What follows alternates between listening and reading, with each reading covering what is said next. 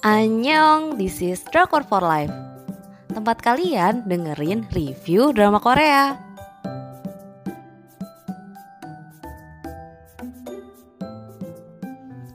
Review drama Korea Our Beloved Summer. Mania Gamer ya Kalian bakal sering ketemu kata-kata itu dengan stasiun penyiaran SBS dan Netflix tanggal penayangan 6 Desember 2021 sampai dengan 25 Januari 2022. Untuk jumlah episodenya 16 episode, untuk ratingnya 4 dari 5. Sinopsisnya, Choi Ung dan Kook Yun Soo adalah sepasang kekasih 5 tahun yang lalu.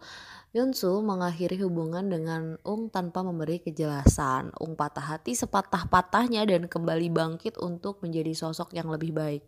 Waktu berlalu, proyek video dokumenter masa SMA mereka kembali viral emang konsepsi pintar dan paling nggak pintar itu gemesin sih berantem berantemnya mereka juga emang lucu.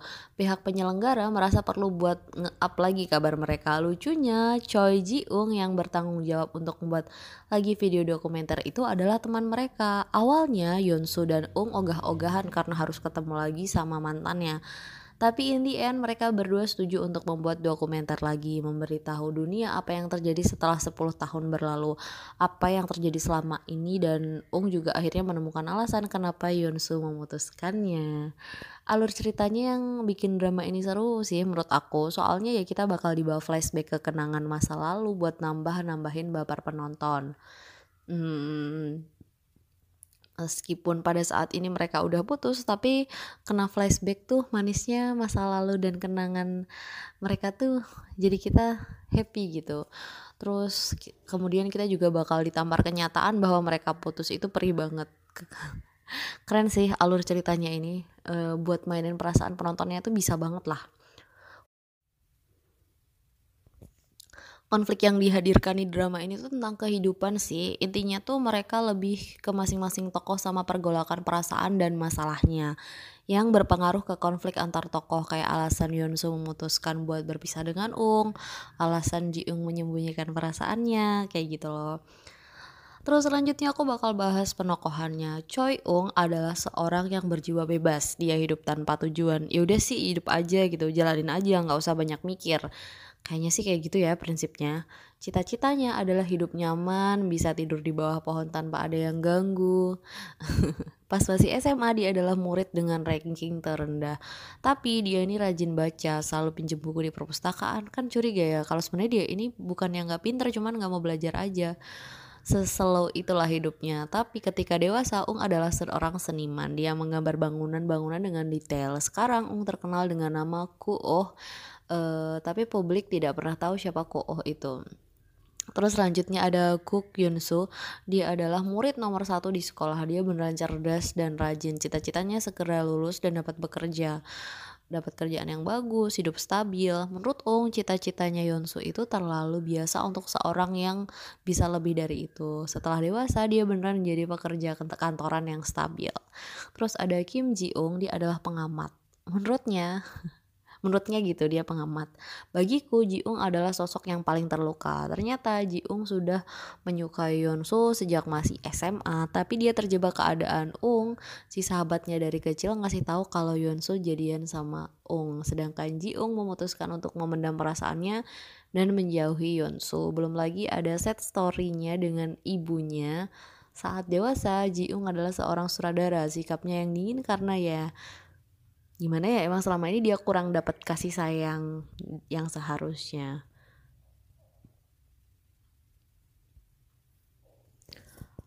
Terus aku bakal bahas bromance dua Ung itu tadi. Jadi bromance antara Ung dan Ji Ung ini sebenarnya perih-perih sedap sih. Di masa kecil Ji Ung melibat uh, melihat Ung sebagai seorang yang bisa diandalkan, sumber kebahagiaannya dan harapan. Ji Ung kecil selalu ditinggal ibunya bekerja, jadi dia sendirian di rumah. Nah, Ung kecil juga sendirian duduk di depan warung orang tuanya, tapi kemudian mereka berdua bersama dan saling mengisi kekosongan. Sampai gede temenan, sahabat rasa saudara gitu loh. Apalagi Ji Ung ikut memanggil ayah dan ibu pada orang tuanya Ung. It's a heartwarming sih menurut aku. Terus ada konflik cinta bersegi-segi. Nah, di drama ini meskipun inti ceritanya tentang hubungan Ung dan Yonsu, tapi banyak perasaan yang terlibat di dalamnya. Konflik cinta bersegi-segi sih emang. Jadi dari SMA kan si Jiung udah suka sama Yonsu, tapi milih mengabaikan perasaannya, terus menjauhi Yonsu. Kenapa? Ya karena sahabatnya, Ung ternyata udah jadian sama Yonsu. Selang waktu berlalu mereka putus, tapi baik Ung dan Jiung gak pernah ketemu Yonsu. Jadi ya gak ada hubungan baru yang berkembang. Terus tanpa sengaja Jiung bertemu lagi dengan Yonsu. Cuma nyelamatin Yonsu biar nggak ketabrak motor. Ternyata berhasil bikin recall perasaan Ung lagi. Maaf maaf, bikin berhasil recall perasaannya Jiung. Jiung yang selama ini dingin dan hanya terfokus pada Yonsu mengabaikan sekitarnya dan tidak menyadari kalau ternyata Hubei-nya ternyata menyukainya. Terus Yonsu juga kembali bertemu dengan Ung meskipun dalam keadaan yang tidak baik-baik saja. Di sisi lain ternyata Ung mengenal NJ seorang artis yang sedang naik daun. Mereka berteman. Tapi kenyataannya NJ menyukai Ung. Gimana? Rumit nggak? Udah siap belum menghadapi konflik cinta bersegi-segi?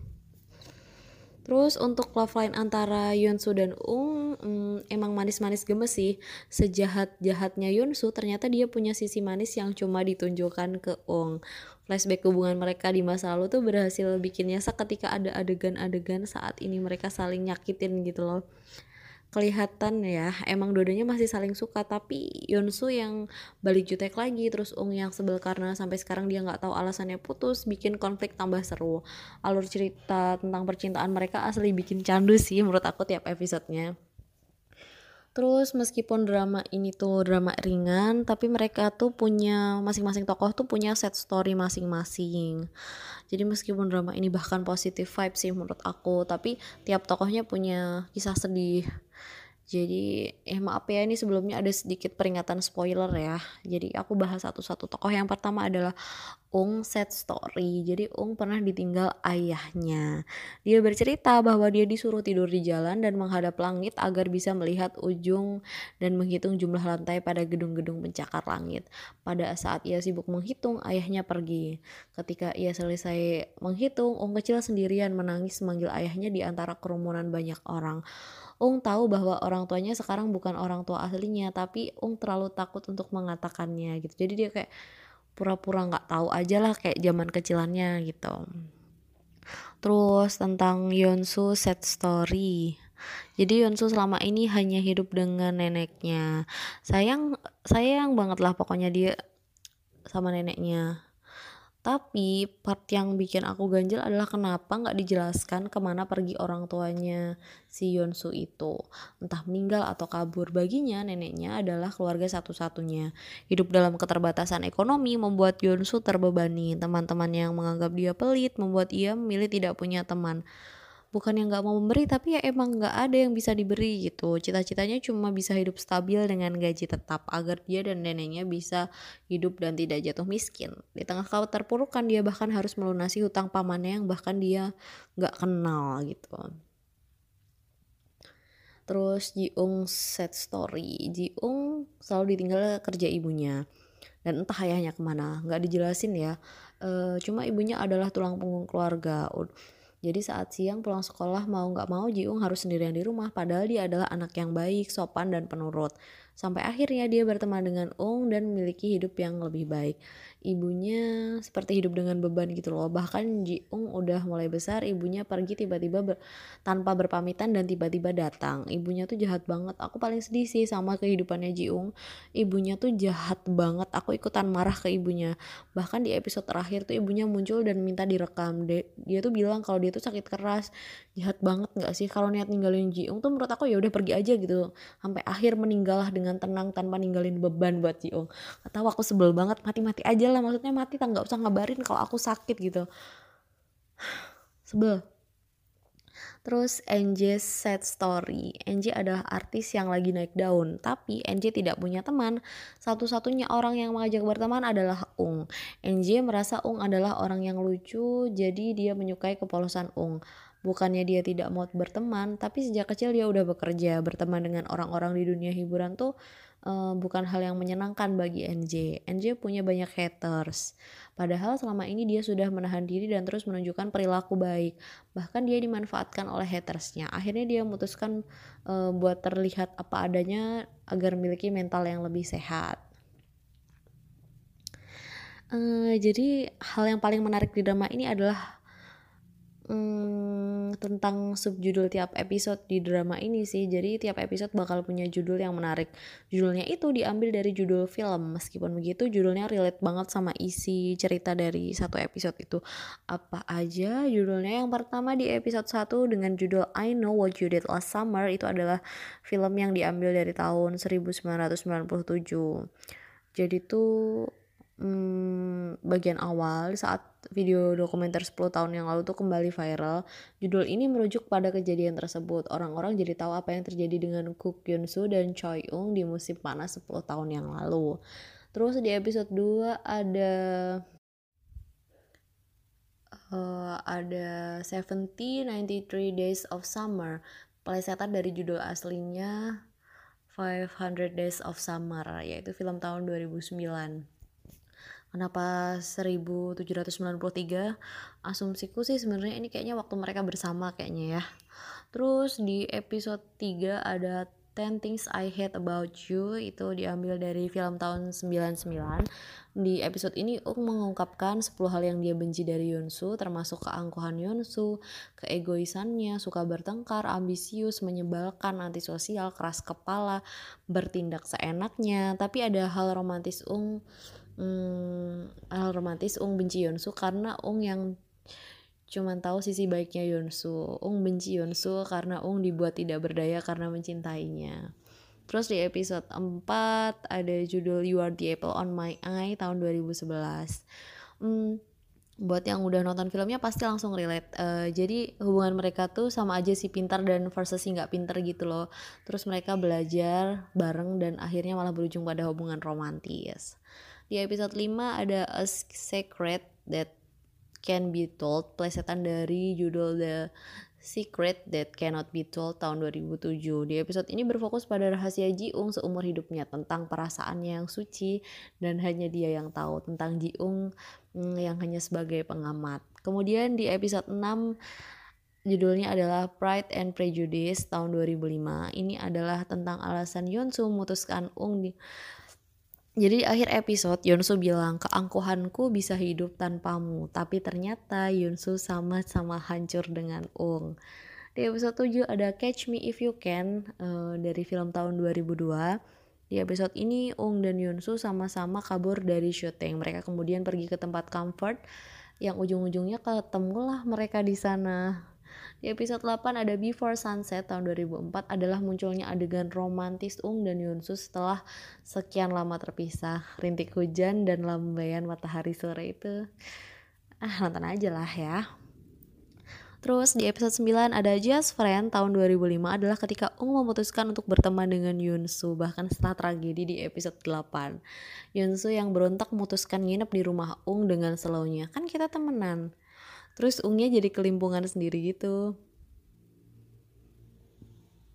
Di episode 10 ada Hello My Soulmate yang diadaptasi dari film 2020 di episode ini agak abu-abu sih judulnya. Sebenarnya bakal buat siapa? Antara NJ untuk pertama kalinya ketemu orang yang pas buat temenan uh, yaitu pertemuan pertama dengan Ung yang amat berkesan atau tentang Yunsu yang akhirnya menyadari perasaannya itu tetap sama sekarang atau 10 tahun yang lalu. Tapi yang jelas ya kalau berdasarkan film ya tentang sahabatan lama yang jadi cinta gitu Terus di episode 11 ada yang judulnya Our Night Are More Beautiful Than Your Days. Diambil dari tahun 1989.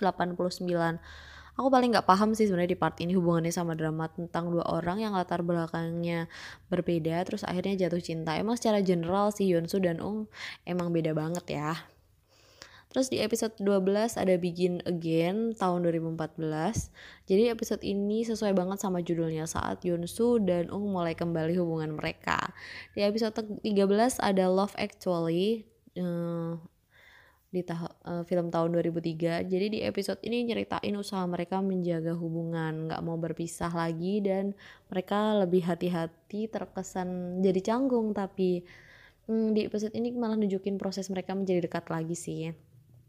Terus di episode 14 tentang eh diambil dari judul film Life is Beautiful di film tahun 97. Episode ini bercerita tentang sulitnya hidup Yonsu, alasan mereka putus, akhirnya diungkapkan Yonsu tentang perjuangan Yonsu bertahan sendirian, meskipun pahit, hidup tetap indah pada akhirnya gitu. Di episode 15 diambil dari judul film Three Idiots. Hmm, di pada tahun 2019. Aku sebenarnya kurang nggak sih siapa aja yang dimaksud Three Idiots. Seharusnya sih ya tiga main karakter ya. Tapi yang paling bold idiotsnya ya Jiung lebih ke arah kasihan sih dia diabaikan sama ibunya Indian dia maafkan ibunya aku nangis sebel mau benci sama keputusannya Jiung tapi yang dia lakuin tuh bener soalnya itu ibunya emang aku yang antagonis di sini terus episode 16 uh, dengan judul Our Beloved Summer. Jadi episode terakhir ini ditutup dengan bahagia dan menyisakan kenangan bahwa pada masa muda kita tuh seindah musim panas. Oh ya, aku mau bahas sedikit nih tentang orang tuanya Ung. Jadi orang tua Ung itu menurutku adalah cerminan dari kalimat para bunda-bundi yang berbunyi, setiap orang tua memang tidak sempurna, tapi setiap orang tua pasti memberikan yang terbaik untuk anaknya. Mereka sering kali merasa bersalah dan membiarkan Ung sendirian di depan kedai. Ya memang mereka repot mengurus kedai berdua aja, tapi hasilnya juga buat anaknya si Ung. Ung sebenarnya juga bersyukur punya orang tua seperti itu, tapi tetap aja orang tua punya rasa penyesalan sendiri ada banget sih sebenarnya lihat orang tua Ung ini bahkan dia sampai baik ke teman-teman anaknya sampai Ji Ung ikut manggil mereka ayah dan ibu mereka terlalu terlihat tulus dan penuh kasih sayang gitu loh Lanjutnya aku bakal bahas karya-karya Ung. Kalian penasaran gak sih sama gambar Ung itu sebenarnya karya siapa? Ternyata karya Ung itu sesungguhnya adalah buah tangan dari Taibut Harem, eh, seorang ilustrator Perancis yang saat ini berbasis di London. Beliau ini emang terkenal dengan ilustrasi bangunannya. Terkait dengan drama ini, Taibut Harem menjual gambar hardware store milik tetangganya Ung diproduksi dengan kualitas tinggi dan dirilis secara terbatas yaitu 500 buah dan, dan uh, lukisan itu dibanderol dengan harga hampir 3 juta di website resmi milik Harem. Ada yang tertarik nggak? uh, jadi sebelum aku closing ada sedikit artikel tambahan. Sebenarnya kalian tahu nggak sih drama ini akan berakhir dengan set ending? Jadi dari artikel yang aku baca tuh sebenarnya penulis nggak suka dengan akhir yang bahagia dan ditutup dengan pernikahan. I love happy ending tapi happy happy ending tuh nggak harus dengan pernikahan gitu. Nah tapi ketika si penulis mulai menulis dia merasakan emosi terus pengennya tuh karakter Ung dan Yonsu ini bahagia karena mereka sudah melalui banyak hal yang menyakitkan. Agree sih aku.